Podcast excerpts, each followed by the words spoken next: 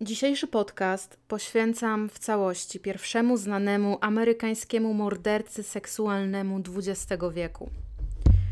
Człowiek ten miał, człowiek ten miał wiele pseudonimów, chociażby takich jak Gorilla Man, Gorilla Killer, Dark Strangler. Skąd takie przydomki i czym sobie na to zapracował?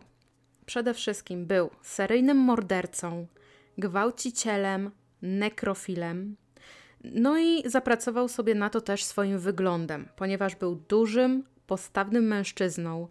Miał duże dłonie, e, czoło miał tak zwane wysokie, a jego linia włosów zaczynała się no, dosyć daleko, e, jak na linię włosów zwykłego człowieka. Miał też bardzo wydatne, jak na tamte czasy, usta oraz, mimo że był mężczyzną rasy białej, to jego skóra była, miała taki nieco ciemniejszy odcień. Dlatego właśnie ludzie na niego mówili Gorilla Man. A podobnie jak Andrew Cunanan wymyślał także kilka tożsamości, chociażby tytułował się e, Charlesem Harrisonem, Adrianem Harrisem oraz Virgilem Wilsonem. Ale zanim przejdę w swojej opowieści, kto z kim, gdzie i dlaczego, to zacznę od początku. I ponieważ ten podcast na pewno nie będzie przez YouTube e, monetyzowany, więc nie będę używała żadnych takich, że tak się wyrażę, okrężnych słów, tylko będę nazywała wszelkie rzeczy po imieniu. Zapraszam. Earl Leonard Farrell urodził się 12 maja 1897 roku, no i na świat przyszedł w San Francisco w Kalifornii. Jego matka Francis Nelson była jeszcze nastolatką, kiedy sprowadziła go na ten świat. Kiedy chłopiec miał 9 miesięcy, matka umarła z powodu kiły, którą zaraziła się od biologicznego ojca Erla.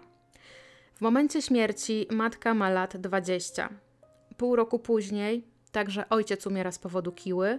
No i e, ojciec w momencie śmierci, James Carlton Farrell, miał 26 lat. Zatem za wychowanie chłopca zabrała się jego ekstremalnie, maksymalnie, fanatycznie religijna babka. Babka należała do kościoła zielonoświątkowców i w wielu źródłach opisywana jest jako zimna, twarda, bardzo surowa. E, babka była wdową i miała już swoje własne, wtedy nastoletnie dzieci, bardzo kochała swojego wnuka, jednak była już na etapie wychowywania nastolatków, y, nie relatywnie niedawno urodzonego dziecka, więc nie ukrywała, że wychowanie Erla no to było dla niej duże wyzwanie. I nie będę ukrywać też, że dorastając w domu swojej babki, kiedy od małego wkładała mu w głowę swoje przekonania, chłopak wyrastał na osobnika wręcz fanatycznie zafascynowanego Biblią. Babka wymagała, żeby chłopak spędzał więcej czasu na czytaniu Biblii niż nad lekcjami. I wyglądało to tak, że jeśli nauka zajmowała mu godzinę, to musiał on spędzić dwie godziny na studiowaniu Biblii. Tak więc babka dokładała mu jedną ekstra godzinę na studiowanie księgi. Młody Earl chłonął nauki pochodzące z Biblii, dodawał swoje różne osobiste zapiski, tak więc babcia była ukontentowana, albo inaczej zadowolona. E, no bo jej planem było wychowanie go na posłusznego, oddanego, religijnego człowieka. No i jak dowiecie się z dalszej części podcastu, no jej chęci i jego chęci nieco się rozminęły w pewnym momencie. No i Earl był buntowniczy, uparty, zawzięty, także jego charakterek bardzo utrudniał babci realizację planu. W wieku lat siedmiu został wydalony ze szkoły, ponieważ wykazywał objawy zaburzenia afektywnego dwubiegunowego. Jako dziecko nie był zbyt dobrze zadbany przez babcię. Był wiecznie nieuczesany, brudny, miał też wyjątkowo kiepskie maniery. I kiedy ktoś widział, w jaki sposób Earl je, no to dla postoronnej osoby to było nie do pomyślenia, żeby chłopiec jadł wszystko rękami. A dodatkowo ulubionym mm, składnikiem wszelkich potraw była oliwa, także cokolwiek miał na talerzu, musiał to najpierw polać obficie oliwą, a potem mógł zjeść. I mało tego, mało że jadł rękami, to lubił jeść buzią prosto z talerza, czyli wyglądało to tak, że najpierw rękami, a potem twarz w talerz i siorbał wszystko i wylizywał niczym pies. Także Może udało mi się nieco przybliżyć Wam, czemu ludzie byli wręcz obrzydzeni, kiedy widzieli małego Erla, który jadł swój posiłek. Sposób, w jaki chłopak jadł, sprawiał, że wujek William i ciotka Lilian, z którymi mieszkał pod jednym dachem, zaczęli go przezywać w niewybredny sposób, co sprawiło, że on zaczął zamykać się w sobie. No i jego ulubionym miejscem do spędzania czasu stała się piwnica, w której po prostu uwielbiał siedzieć w całkowitej ciemności. Earl miał też jeden bardzo dziwny nawyk i mając na myśli dziwny, mówię dziwny, otóż w tygodniu wychodził codziennie do szkoły, mając na sobie ładne, schludne ubranie, po czym wracał po tym całym dniu e, ubrany całkowicie inaczej, e, nie swoje ubrania przede wszystkim. I te ubrania były bardzo zużyte, dużo bardziej brudne niż te, w których wychodził rano. Także nie było tutaj mowy o tym, że to te same ubrania, tylko ubrudzone po całym dniu. On po, po prostu wymieniał się z kimś ubraniami. I cała rodzina to w ogóle się głowiła, o co chodzi z tym ubraniem Erla. Natomiast on nic w tym temacie nie mówił, nawet wtedy, kiedy w jakiś sposób jego babka chciała wyjaśnić tę sprawę. Na dziesiąte urodziny Earl dostał od swojego wujka Williama rower. I był nim tak zafascynowany, że zaczął ćwiczyć na rowerku różne sztuczki. No i niestety nie skończyło się to dla niego dobrze, ponieważ pewnego razu potrącił go samochód i co więcej, przeciągnął chłopca około 15 metrów po drodze. Wypadek dla Erla zakończył się dziurą w głowie na wysokości skroni oraz sześciodniową śpiączką. Od tego czasu miał też silne bóle głowy, no i zawroty, które paraliżowały go tak mocno, że jedyne co mógł robić to leżeć i po prostu czekać, aż to wszystko przejdzie. Jego stosunki z kolegami i z koleżankami z klasy też stały się coraz gorsze, głównie z powodu wybuchów gniewu, które bardzo często się u niego zaczęły pojawiać. Także no, ten wypadek mógł też w jakiś sposób wpłynąć na jego zachowanie. Dodatkowo Earl zaczął kraść. Był też bardzo często na tym przyłapywany i, i mimo młodego wieku e, używał bardzo wulgarnego języka. Przeklinał cały czas, albo przeważnie cały czas, no i zaczęły się u niego e, pojawiać takie tendencje do podglądactwa. Jak później się okazało, do czego też sam Earl przyznał się po latach, jako nastolatek miał olbrzymi problem z masturbacją. Kiedy Earl miał 14 lat, jego babka zmarła, więc zamieszkał z ciotką Lilian, która już miała swoje własne dzieci. I Lilian bardzo kochała Erla, pomimo tego, że miał on różne takie dziwaczne zachowania i bardzo starała się, żeby chłopak nie wpadł w złość, nie stawał się agresywny, y, no bo wtedy to nie kończyło się dla nikogo w promieniu y, chyba najbliższego kilometra dobrze. Także Lilian robiła to, co tylko mogła, żeby kontynuować wychowanie Erla w taki sposób, jak to robiła jej matka. Y, tak samo w wieku 14 lat Earl rzucił szkołę i zaczął pracować. Jednak jego lenistwo i bardzo dziwaczne zachowania sprawiały, że chłopak nigdzie na dłużej nie zagrzał miejsca i na dłużej to mam na myśli dłużej niż dwa miesiące. E, jakie zachowania na przykład irytowały współpracowników i pracodawców? Było to na przykład to, że Earl po prostu sobie wychodził na przerwę z pracy, Nikt nie był pewien, czy chłopak w ogóle wróci. Czy wróci tego samego dnia, czy może wróci następnego dnia, a może jak wychodził w piątek na przerwę, to czy nie wróci na przykład dopiero w poniedziałek. Earl zaczął też słyszeć głosy i początkowo tylko z nimi rozmawiał, e, a potem bardzo furiacko zaczął się kłócić, co no nie wpływało pozytywnie na jego życie w społeczeństwie. Mm, no i cały czas e, on kontynuował to swoje dziwne zachowanie, e, gdzie wychodził z domu w swoim ubraniu i wracał w jakimś obcym ubraniu. Natomiast e, pomimo tych różnych zachowań, Earl był trochę dobrym człowiekiem, ponieważ pomagał finansowo ciotce, zdobywając pieniądze nie zawsze w sposób legalny.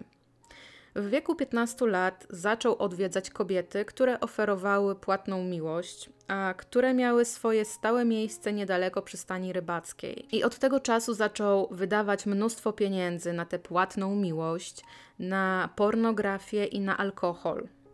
Potrafił on znikać na całe dnie, potrafił wtedy pić, wdawać się w bójki i w takim stanie wracać do domu.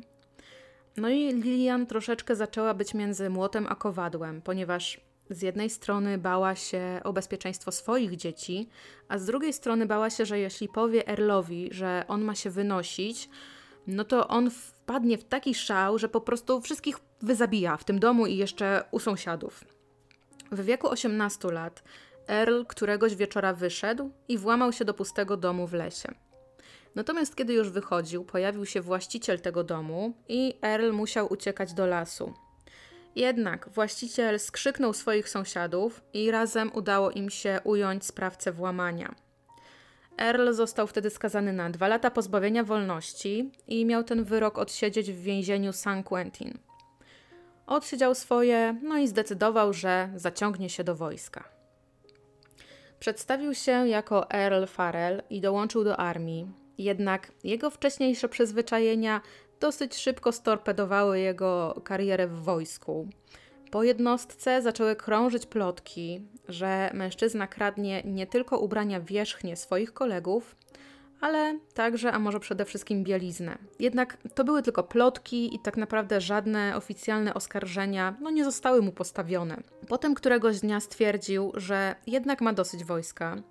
No i kiedy powinien stać na posterunku, to swoim starym, dobrym zwyczajem po prostu z niego zszedł i poszedł w jakimś sobie znanym kierunku. Natomiast za jakiś czas zaciągnął się ponownie do marynarki wojennej i pracował w jednostce jako kucharz, kiedy e, stacjonowali w San Francisco. No i jak możecie się domyśleć, to znowu wykonał w tył zwrot i zdezerterował po jakimś czasie. Jednak po dwóch miesiącach znowu wraca do wojska i tym razem zaczyna rozwijać swoją karierę jako sanitariusz. Jednak nie trwa to długo, bo znowu dezerteruje, a jako powód podaje po latach, że to dlatego, bo czuł jakieś dziwne pieczenie w okolicach odbytu. Wrócił po raz kolejny, ale tym razem już wszyscy wiedzieli, z kim mają do czynienia. Tak więc zamiast zostać przyjętym do wojska, został odesłany do słynnego szpitala Napa State. I tutaj gdzieś Wam się wysunie karta z podcastem o Napa, który już jakiś czas temu stworzyłam, więc jeśli macie chęć posłuchać po tym podcaście o Napa, to zapraszam serdecznie. Natomiast jeśli słuchacie mnie poza YouTube'em, to podcast o Gomorze, jak potocznie nazywano ten szpital, e, to jest podcast numer 4. Wróćmy do naszego głównego bohatera. Podczas swojego pobytu w Napa mówił, że jest alkoholikiem, jednak nie pije już od 7 miesięcy. Mówił, że miał problemy z masturbacją, ale jak twierdził, te jego problemy występowały gdzieś na przełomie 13 i 18 roku życia. Wyniki badań krwi wykazały, że on choruje na rzężączkę i kiłę, no i że mógł złapać te choroby gdzieś w okolicach 16 roku życia. W Napa spędził 13 miesięcy, z czego dwa razy uciekał. Często też znikał, co doprowadziło do tego, że jego współtowarzysze zaczęli mówić na niego Houdini, po pierwszej swojej ucieczce został znaleziony i z powrotem wsadzony do szpitala. Jednak kiedy uciekł ponownie, no to nikt już go nie szukał, nie śledził, nie próbował złapać. Jednak e, szpital dokonał takiego wpisu w jego dokumentach, że Earl nie jest już w żaden sposób destrukcyjny, jego zdrowie psychiczne uległo poprawie i nie ma już więcej napadów złości i agresji, co jak wyniknie z późniejszej historii Erla, było grubą nieprawdą ale nie będę wyprzedzać faktów.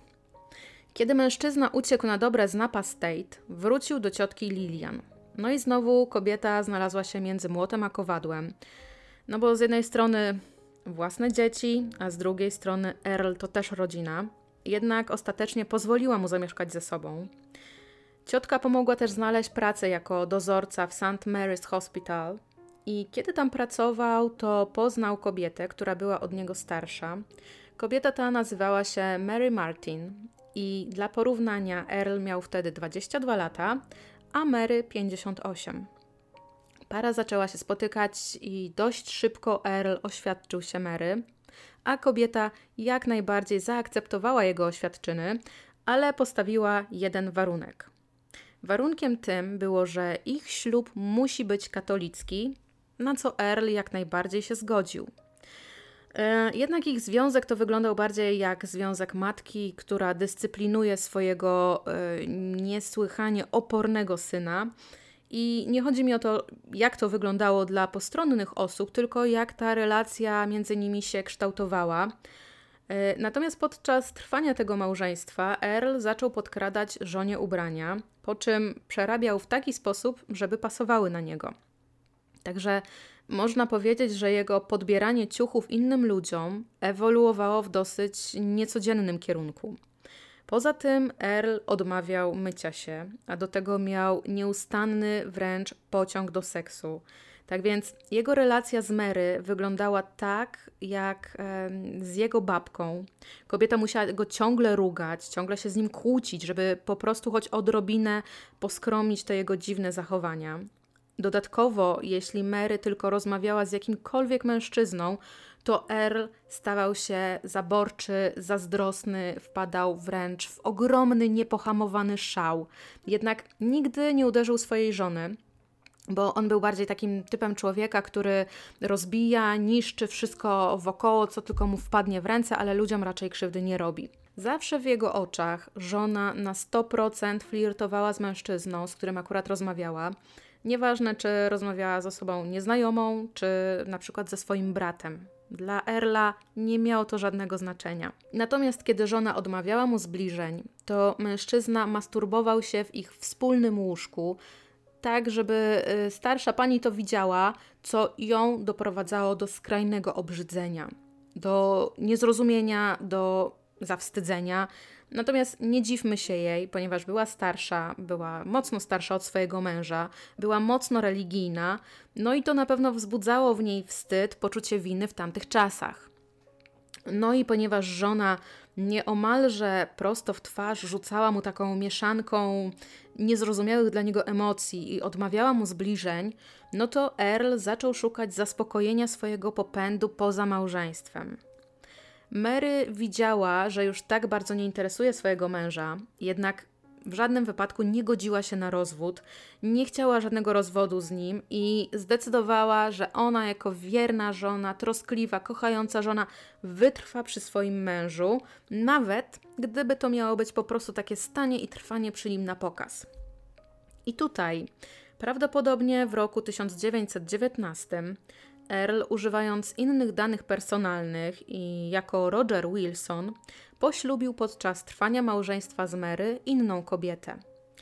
Jednak jego druga żona dosyć szybko, bo po około 6 miesiącach od ślubu przeszła gruntowne załamanie nerwowe, które związane było z tym ogromnym, niepohamowanym popędem seksualnym Erla, ponieważ no, ta kobieta nie mogła nadążyć za jego temperamentem. I to załamanie nerwowe było tak poważne, że kobieta wylądowała w szpitalu psychiatrycznym, a kiedy Earl, jako kochany i troskliwy mąż, mm, odwiedził ją pewnego razu, zaczął ją e, tak napastować seksualnie, ona wtedy e, zaczęła krzyczeć w odpowiedzi na, na, na, na, jego to, co on tam z nią wyprawiał. No i odwiedziny skończyły się w taki sposób, że e, Earl musiał uciekać z placówki, a sanitariusze go gonili.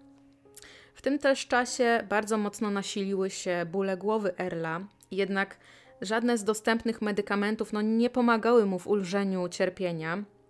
I któregoś dnia, kiedy miał właśnie taki napad migreny, spadł z drabiny i leżał nieprzytomny. Współpracownicy zawieźli go do szpitala, jednak Earl wyszedł z niego zaledwie po dwóch dniach. No i niestety drugi upadek, gdy ponownie doznał urazu czaszki, spowodował, że Earl zaczął mieć jakieś dziwne wizje i słyszeć głosy. To też wzmogło jego napady gniewu i napady złości, i to do tego stopnia, że Mary zaczęła się naprawdę obawiać męża. No i niedługo po tym wypadku e, Earl znowu stracił pracę i dosyć mocno zaczął w ogóle przekonywać swoją żonę, że powinni wyjechać razem do innego miasta, e, żeby zacząć życie od nowa. Natomiast Mary powiedziała, że nie, odmówiła kategorycznie, e, na co Earl miał, znaczy nie miał, Earl wyszedł po prostu z domu i miał do niego już nie wrócić. Jednak oczywiście wyszedł, ale wrócił, następnego dnia wrócił i błagał żonę, żeby przyjęła go z powrotem. Mary jednak była nieugięta i ponownie odmówiła, co sprawiło, że Earl zaczął e, nadużywać alkoholu, e, zaczął odwiedzać kobiety, które oferowały płatną miłość, żeby mieć pieniądze na te przyjemności. no to włamywał się do domów. Pewnego razu wszedł do pewnego domu, przedstawiając się jako robotnik, którego zadaniem jest zlokalizowanie wycieku gazu w okolicy. No i skierował się od razu do piwnicy, właśnie po to, żeby ten rzekomy wyciek e, zlokalizować. Mm, a smaczku dodaje fakt, że e, Earl był wtedy e, mocno trinknięty, że tak się wyrażę. Tak więc tutaj chyba tylko jego czar i urok osobisty sprawił, że no, rodzina wpuściła go do swojego domu. I kiedy poszedł do piwnicy, to zastał tam dwunastoletnią dziewczynkę, która miała na imię Mary i która się tam po prostu bawiła. Natomiast Earl zaczął ją dusić, a Mary tak głośno krzyczała i tak mocno walczyła o swoje życie, że na szczęście zaalarmowała całą rodzinę. Mm, I w efekcie czego Earl uciekł z ich domu, jednak został złapany, a w pościg włączyli się także inni sąsiedzi, y, którzy mieszkali w okolicach tej rodziny. Jak to się w ogóle stało, że Earl został wpuszczony do domu jako złota rączka, kiedy tak, nie posiadał ze sobą żadnych y, narzędzi do pracy? Może w taki sposób, że oprócz tego, że Earl miał tych wiele niezbyt dobrych cech charakteru, to potrafił też być miły, czarujący, uprzejmy, umiał wziąć się w garść i po prostu sprawić dobre wrażenie. I naprawdę sprawiał dobre wrażenie, ponieważ ci napadnięci ludzie określali go jako miłego, czarującego mężczyznę. Earl został złapany, został osadzony w więzieniu, no i to jak się tam zachowywał, to musiało nieźle przestraszyć e, współosadzonych oraz strażników, ponieważ pierwszej nocy wyskubał sobie palcami do zera brwi. Potem zaczął krzyczeć, że widzi twarze na ścianie, co już w zupełności wystarczyło, żeby go szybko przetransportować do szpitala dla chorych psychicznie. Tam został niezwłocznie zapięty w kaftan bezpieczeństwa, no i przypięty do łóżka. I kiedy Mary dostała telefon ze szpitala, że tam przebywa jej mąż, po raz pierwszy tak naprawdę zderzyła się z jego poważnymi problemami, zarówno psychicznymi, jak i dowiedziała się o tym, że kilka razy dezerterował z wojska jednak mimo tych wszystkich rewelacji, Mary nadal stała przy swoim mężu. Sprawa Erla wreszcie trafiła do sądu, a lekarz opisał mężczyznę jako mocno destrukcyjnego, szalonego, porywczego, z wyraźnymi objawami depresji. Psychiatra sądowy zeznał, że on jest niebezpieczny zarówno dla siebie, jak i dla społeczeństwa. No i sędzia stwierdził, że najlepszym miejscem dla Erla no to będzie Napa State, ponieważ Earl to zimnokrwisty psychopata, często popadający w stany psychozy. Natomiast te jego ciągłe ucieczki zostały określone jako nomadic dementia, czyli taki stan, w którym osoba z problemami z pamięcią jest w ciągłej podróży. Tutaj mm, jakby nie udało mi się znaleźć takiego polskiego odpowiednika, który najlepiej będzie to oddawał, więc jeśli ktoś z Was ma większą wiedzę, jak to określić, jak to się nazywa, to po prostu proszę dajcie znać w komentarzach. Tak więc Earl trafił do Napa i pomimo tego, że był przywiązany do łóżka, no to jakimś cudem udało mu się podczas pierwszych kilku tygodni e, uciec ze szpitala dwa razy. W szpitalu zaczęto też leczyć jego kiłę, co miało przełożenie na samopoczucie, a to z kolei miało przełożenie na jego kontakty z pozostałymi mieszkańcami Gomory czy z pracownikami. No i zyskiwał też coraz więcej przywilejów. Mm, co prawda, nadal był fanatykiem religijnym, ale już tak jakby troszeczkę mniej groźnym. I nagle, 18 miesięcy po osadzeniu w Napa, odmówił brania leków na kiłę. Jednocześnie powiedział swojemu lekarzowi, że znowu pojawiały się w jego głowie myśli dotyczące ucieczki ze szpitala.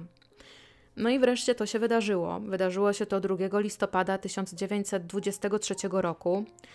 E, Earl wtedy uciekł z Napy i udał się do domu swojej ciotki Lilian. Kobieta, kiedy go tylko zobaczyła, niezwłocznie skontaktowała się ze szpitalem i poinformowała o tym, że właśnie odwiedził ją kuzyn, przycisnął twarz do szyby, czym wystraszył ją i dzieci.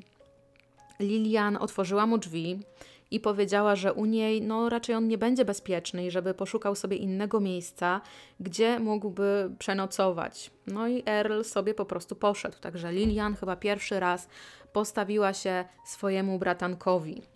Potem Lilian zadzwoniła na policję i poinformowała funkcjonariuszy o tym, że właśnie jej kuzyn zbiegł z Napa State. Dwa dni później Earl został namierzony, schwytany i przekazany do szpitala. No i od tamtej pory w jego kartotekach nie ma żadnych informacji o tym, żeby poczynił jakikolwiek progres w temacie swojego zdrowia. Po czterech latach od skazania za napaść na dwunastolatkę, Earl wreszcie zostaje wypisany ze szpitala. Po czym wraca do swojej żony Mary. Jednak to szczęśliwe pożycie małżeńskie nie trwa długo, bo kilka tygodni później już zaczął się wałęsać nocami po mieście. I podczas tego szwendania się po mieście zauważył, że w kilku pensjonatach jest trochę wolnych pokoi w związku z powyższym. Zdecydował, że wynajmie sobie w jednym z pensjonatów taki właśnie mały, uroczy pokoik. A w tamtych czasach e, właścicielkami takich pensjonatów to były zazwyczaj starsze panie, które sobie dodatkowo e, dorabiały do jakiejś tam swojej emeryturki i dodatkowo one sprzątały i gotowały swoim najemcom, także prawie jak u mamy. I kiedy Earl zapukał do drzwi pierwszego pensjonatu, co wydarzyło się 20 lutego 1926 roku, no to drzwi otworzyła mu 62-latka Clara Newman. Kobieta miała kilka podobnych pensjonatów rozsianych po całym San Francisco, a Earl zrobił na niej wyjątkowo dobre wrażenie. Był e, ładnie, schludnie ubrany, wyrażał się też bardzo poprawnie, więc kobieta zaakceptowała go jako swojego najemcę i poinformowała go o dwóch zasadach, jakie obowiązują w jej pensjonacie. Mianowicie, pierwsza zasada to całkowity zakaz picia, a druga zasada to zakaz meldowania się marynarzy.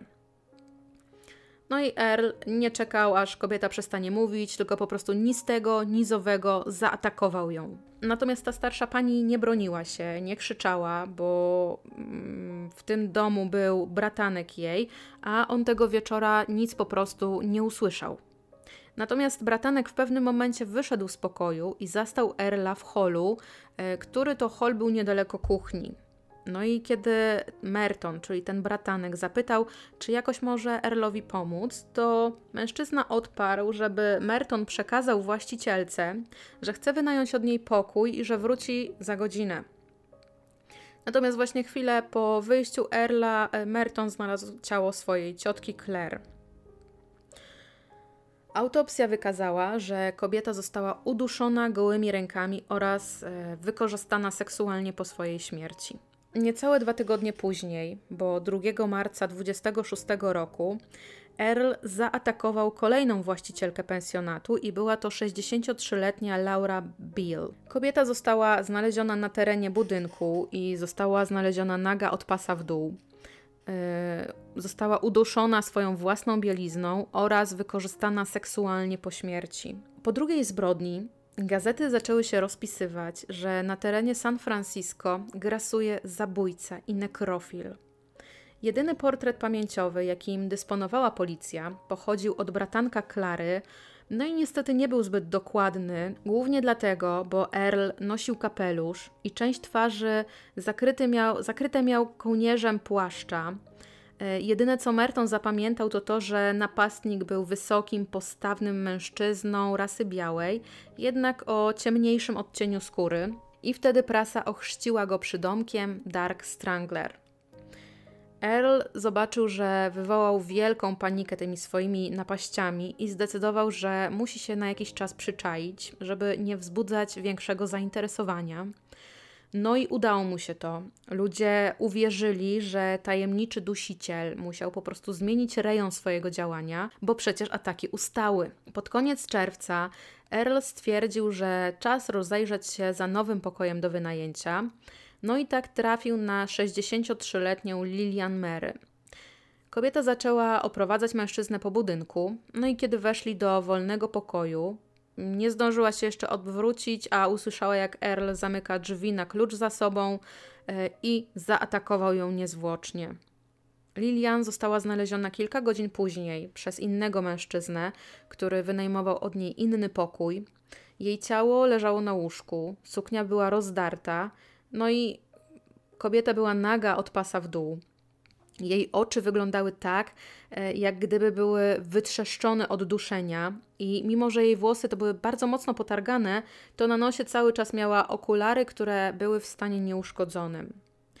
Autopsja wykazała, że starsza pani została uduszona gołymi rękami, podczas gdy napastnik przygniatał jej klatkę piersiową, a kiedy już była martwa, została wykorzystana seksualnie. Tym razem jednak, kiedy Earl uciekał z pensjonatu, zauważony został przez parkingowego, który mógł opisać napastnika.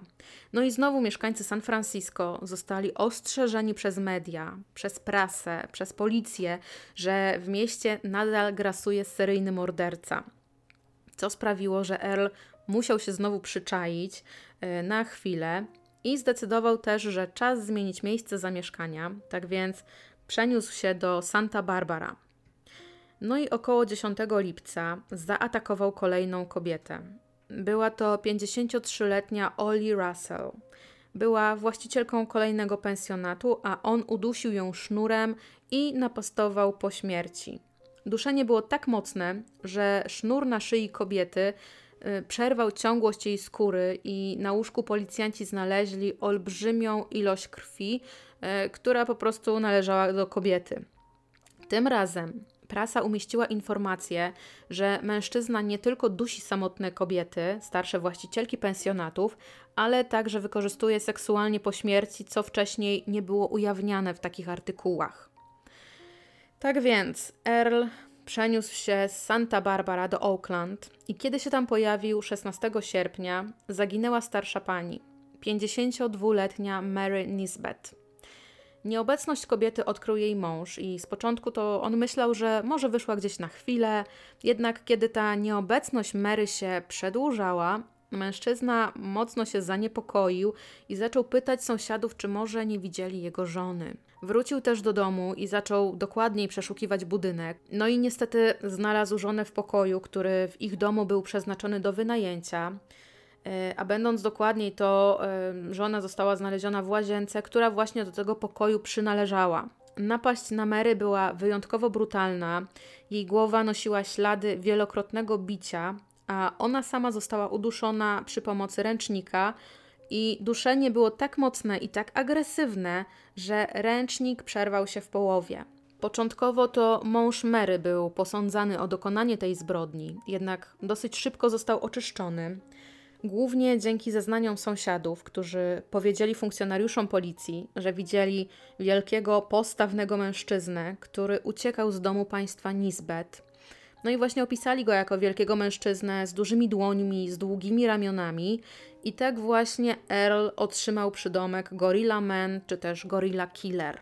Po tej zbrodni Earl przeniósł się do Portland, gdzie zamordował 35-letnią Beatę Withers, Kobietę znalazł jej 15-letni syn i ciało Beaty schowane było na strychu w kufrze z ubraniami. No i od tego czasu Earl zaczął modyfikować swoje zbrodnie i nie tylko rozpoczął właśnie chowanie zwłok, ale też przestał mordować tylko starsze kobiety, no i za cele swoich ataków zaczął obierać także młodsze. Kolejnego dnia pozbawił życia 59-letnią Virginię Grant, a jej zwłoki ukrył za piecem. 21 października podobny los spotkał Maybell Fluke, która zniknęła na kilka dni, jednak została odnaleziona na strychu, uduszona swoim własnym szalem. Po tych trzech zbrodniach, które dokonał w Portland, Earl wrócił na jakiś czas do San Francisco, gdzie 18 listopada zaatakował i pozbawił życia 56-letnią wdowę Anne Edmonds. Początkowo policja wahała się, czy zbrodni tej dokonał Dark Strangler, jednak świadek, który zeznał, że widział kilka dni wcześniej Anne rozmawiającą z pewnym mężczyzną o sprzedaży swojego domu, yy, opisał, że ten mężczyzna pasował do Erla. To znaczy przedstawił taki rysopis, który policjantom pasował do Erla. 19 listopada Earl zaatakował 28-letnią ciężarną kobietę, która pokazywała mu pokój do wynajęcia. Kobieta przeżyła atak i opisała mężczyznę jako wysokiego, mówiącego w ładny sposób, dobrze ubranego. Opowiadała też, że nie czuła początkowo żadnego zagrożenia, jednak e, zaczęła czuć się nieco niepewnie, kiedy mężczyzna zrobił jakieś dziwne uwagi dotyczące sufitów. Kobieta później opowiadała, że on chyba w ten sposób próbował zmusić ją do spojrzenia w górę, żeby łatwiej móc złapać ją za gardło. Po tym nieudanym ataku Nelson 29 listopada zamordował i zgwałcił Blanche Myers. Zanim wyszedł z mieszkania, zabrał pierścionek zaręczynowy oraz pieniądze z jej portfela. Tym razem policji udało się zdjąć odciski palców z miejsca zbrodni. Na posterunek policji w Portland zaczęły spływać informacje. Niektóre nie miały nic wspólnego z Earlem, ale jeden z telefonów był szczególnie ciekawy.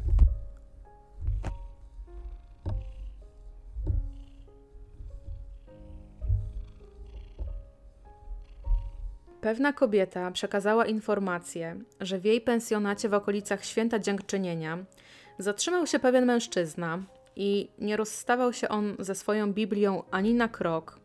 Przedstawił się jako Adrian Harris, a w dniu, kiedy została zaatakowana Blanche Myers, mężczyzna ten powiedział innym współwynajmującym, że wyjeżdża z Portland do Vancouver i nie zamierza już tu nigdy wracać. Kobiecie wydało się to takie mocno podejrzane, ponieważ zapłacił za kilka dni z góry, a jej i pozostałym kobietom, które tam były w pensjonacie, podarował biżuterię. No i okazało się później, że ta biżuteria należała do Florence Monks, zamożnej wdowy, która została pozbawiona życia w swoim domu w Seattle 23 listopada.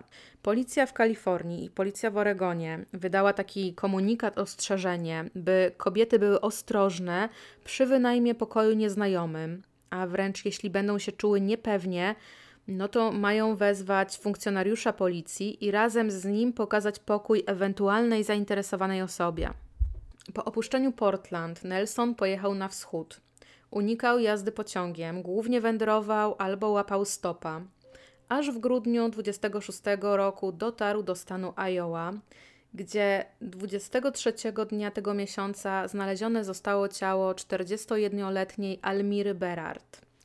Początkowo policja uważała, że to mogło być samobójstwo, biorąc pod uwagę, że kobieta niedawno została wypisana ze szpitala psychiatrycznego. Jednak kiedy autopsja wykazała, że kobieta została zgwałcona, no to rozwiało to wszelkie wątpliwości śledczych. Dwa dni po Bożym Narodzeniu zaatakował 23-letnią Bonnie Peace z Kansas City w Missouri. Ciało kobiety znalazł jej mąż, a Bonnie została uduszona i zgwałcona. 28 grudnia, także w Kansas City, Earl zaatakował 28-letnią Germaine Harpin oraz jej 8-miesięcznego syna Roberta. Oboje zostali uduszeni, a kobieta została wykorzystana seksualnie po śmierci. Ciała znalazł mąż Germanii, kiedy wrócił po pracy do domu. I reasumując to, co robił Earl w 1926 roku, to w tym czasie pozbawił on życia 14 kobiet i dziecko. Przemieszczał się nadal na wschód. Później zaatakował 53-letnią Mary McConnell yy, i zrobił to w Filadelfii. Zrobił to 27 kwietnia 27 roku. Ukradł jej biżuterię, którą próbował sprzedać dzień po zbrodni właścicielce Lombardu, ale kobieta z jakichś powodów no, nie chciała od niego tych rzeczy. 27 maja e, Nelson pozbawia życia i wykorzystuje seksualnie 53-letnią Jenny Randolph. Wcześniej oczywiście chce od niej wynająć pokój i używa do tego celu fałszywych danych i przedstawia się jako Charles Harrison. Ciało Jenny zostaje znalezione wepchnięte pod łóżko. I Gideon Gillard, który był bratem zamordowanej, zeznał na policji, że widział Harrisona i opisał go jako mężczyznę około 33-letniego, krępej budowy ciała, ciemnej karnacji i z włosami zaczesanymi do tyłu. 1 czerwca w Detroit, w Michigan, menadżerkę hotelu Fannie Mae i pensjonariuszkę Maureen Atorty pozbawia życia i wykorzystuje seksualnie po śmierci. No i ciała tych dwóch kobiet znajduje właściciel budynku, który zjawia się, żeby odebrać zapłatę od y, osoby, która zarządza tym pensjonatem. Mm, obie kobiety zostały uduszone sznurem od lampy.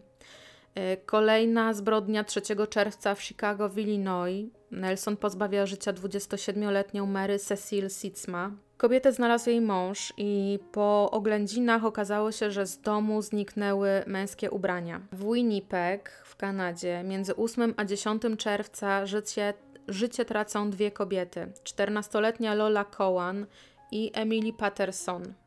ciało tej drugiej odnajduje mąż podczas odmawiania wieczornych modlitw. Ciało kobiety znajduje się pod łóżkiem. I z domu państwa Pattersonów skradziono garnitur, obrączkę kobiety, Biblię oraz 70 dolarów w gotówce. Natomiast funkcjonariusze policji znaleźli nóż, którym Earl przeciął kabel od lampy podczas zbrodni w Detroit, a funkcjonariusze wiedzieli, że to ten nóż, ponieważ kabel został nim przecięty, kiedy lampa była podłączona do prądu, co sprawiło, że ten nóż został wyszczerbiony.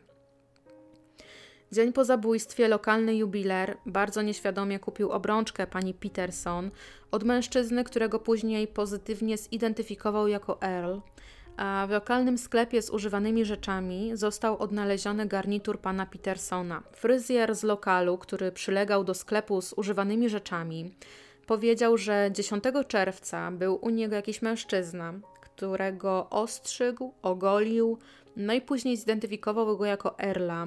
Natomiast mężczyzna ten miał mieć na głowie zaschnięte ślady y, krwi i jakieś rany, a kiedy fryzjer zapytał o pochodzenie tych, tych ran, no to mężczyzna na fotelu powiedział, że ma o nic nie pytać i ma nie dotykać tych ran. 12 czerwca policja zarządziła przeszukiwanie wszystkich pensjonatów w Winnipeg, co doprowadziło do makabrycznego odkrycia zwłok w pensjonacie pani August Hill. Ciało 14-letniej Loli Cowan zostało okaleczone w sposób podobny do ofiary Kuby rozpruwacza.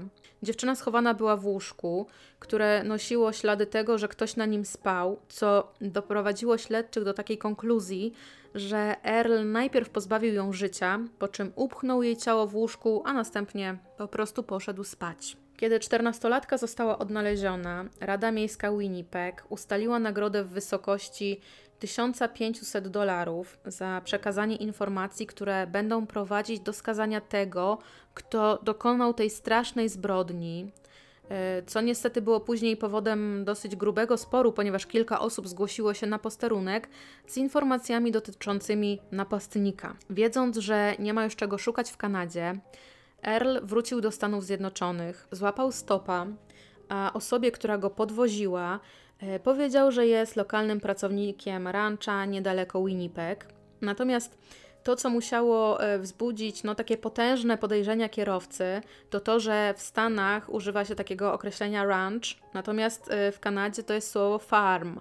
No i kierowca przekazał te informacje policji, co pozwoliło policji na przekazanie tych informacji na wszystkie komisariaty i urzędy pocztowe przy granicy. W międzyczasie Nelson był widziany m.in. E, w Regina, Saskatchewan i Boise Vane w Manitobie. 16 czerwca policja w Killarney aresztowała Erla i zrobili to 20 metrów od granicy Kanady z USA. Był on tak spokojny, tak ugodowy i współpracujący ze śledczymi, że funkcjonariusze przez chwilę zastanawiali się, czy to aby na pewno ten mężczyzna jest e, człowiekiem, którego oni szukają.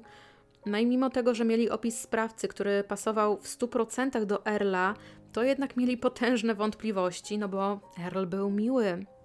I przedstawił się im nie jako Earl, tylko jako Virgin Wilson. Kiedy został osadzony w więzieniu, pierwsze co z niego zrobił, to z niego uciekł. Jednak popełnił pewien błąd, ponieważ wsiadł do tego samego pociągu, który wiózł członków policji w Winnipeg i 12 godzin od swojej ucieczki został złapany. Funkcjonariusze zabrali go na posterunek policji w Winnipeg, który już wtedy był oblepiony po prostu ciekawskimi ludźmi. No i tam pobrano mu odciski palców, zmierzono, przygotowano do identyfikacji. E, jego zdjęcia zostały rozesłane na posterunki policji dosłownie w całych Stanach Zjednoczonych, co doprowadziło do pozytywnej identyfikacji mężczyzny, chociażby w Illinois i w Kalifornii. No i chociaż upierał się bardzo mocno, że jest Virgilem Wilsonem, a nie jakimś tam Earlem Nelsonem, no to odciski palców nie kłamały, ponieważ e, zostały one porównane z odciskami, jakimi dysponowała policja w San Francisco. I także odciski zębów Erla pasowały do tych, jakie zostawił on na kilku ofiarach. Na początku Nelson przyznał się do zbrodni, jednak dziennikarzom powiedział coś w stylu, że kobiety to on morduje tylko w sobotnie wieczory. Potem się z tego wycofał i twierdził, że jest niewinny. Zapytany, jak to się stało, że tyle osób go pozytywnie zidentyfikowało, to on odpowiedział tylko tyle, że te osoby są po prostu w błędzie. Amerykańska i kanadyjska policja próbowała wymusić przyznanie się do winy na Earlu Nelsonie, ale on był nieugięty i cały czas odmawiał. Kiedy Nelson był aresztowany, w Stanach Zjednoczonych był poszukiwany w sześciu miastach, jednak jego proces miał miejsce przed sądem w Manitobie za zbrodnie na Loli Cowan i Emily Patterson. Jego proces miał się rozpocząć 27 czerwca, jednak na prośbę adwokata Erla został przełożony na 1 listopada. Y, Nelson miał adwokata, którego przydzielono mu z urzędu. Przeciwko niemu zeznawała jego żona, która powiedziała, że jej mąż jest całkowicie i w 100% szalony. Ponad 60 świadków zeznało, że widziało mężczyznę niedaleko miejsc zbrodni na terenie Stanów Zjednoczonych i na terenie Kanady. Podczas procesu funkcjonariusze przedstawili sposób, w jaki działał Earl. Zawsze przed dokonaniem zbrodni chodził do Barbera, żeby ten go ogolił i przystrzygł schludnie, ponieważ no, czy ktokolwiek będzie miał jakieś obiekcje do czystego, schludnego, pachnącego mężczyzny, który jeszcze dodatkowo miał Biblię pod pachą. Natomiast kiedy już dokonał zbrodni, no to się przyczajał, zapuszczał włosy, zapuszczał brodę, żeby różnić się od tego ewentualnego e, rysopisu. Także zmieniał e, swoje ubrania wierzchnie, bo przerzucał się na noszenie starych, brudnych ubrań. Być może zamieniał się z jakąś osobą bezdomną na ubrania, no bo już w końcu robił to w dzieciństwie. No i tak udawało mu się być dosyć długo po dokonaniu takiej zbrodni nienamierzonym. Kiedy jego tożsamość była nieznana, to nawet e, porównywano go do dr Jenkilla i Mr. Hyda. Proces w sprawie Nelsona zakończył się 5 listopada, także dosyć szybko. E, wynik procesu był winny i został skazany na karę śmierci. Kiedy rodziny ofiar odwiedzały go w więzieniu, to Earl cały czas mówił, że on jest niewinny. Natomiast pod koniec grudnia 27 roku, na ręce ówczesnego ministra sprawiedliwości Ernesta Lapointa, prawnik Nelsona przedłożył wzruszający 30-stronicowy dokument, w którym zawarte były oświadczenia osób, które osobiście znały Erla, a które poświadczały, że mężczyzna mówił do siebie i być może był szalony, ale absolutnie nie byłby w stanie pozbawić życia drugiej osoby. Jednak to się na nic nie przydało, ponieważ Earl Nelson został stracony przez powieszenie 13 stycznia 1928 roku o godzinie 7.30 e, w więzieniu w Winnipeg i w ostatnich słowach wielkodusznie przebaczył wszystkim, którzy go skrzywdzili. No i to jest e, koniec historii Erla Nelsona. Szacuje się, że mężczyzna, kiedy był w szczytowej fazie swojego szaleństwa, pozbawiał życia kobiety średnio raz na trzy tygodnie. Jego ostatnia ofiara to była Emily Patterson. Była jego piątą ofiarą w, w ciągu zaledwie 10 dni.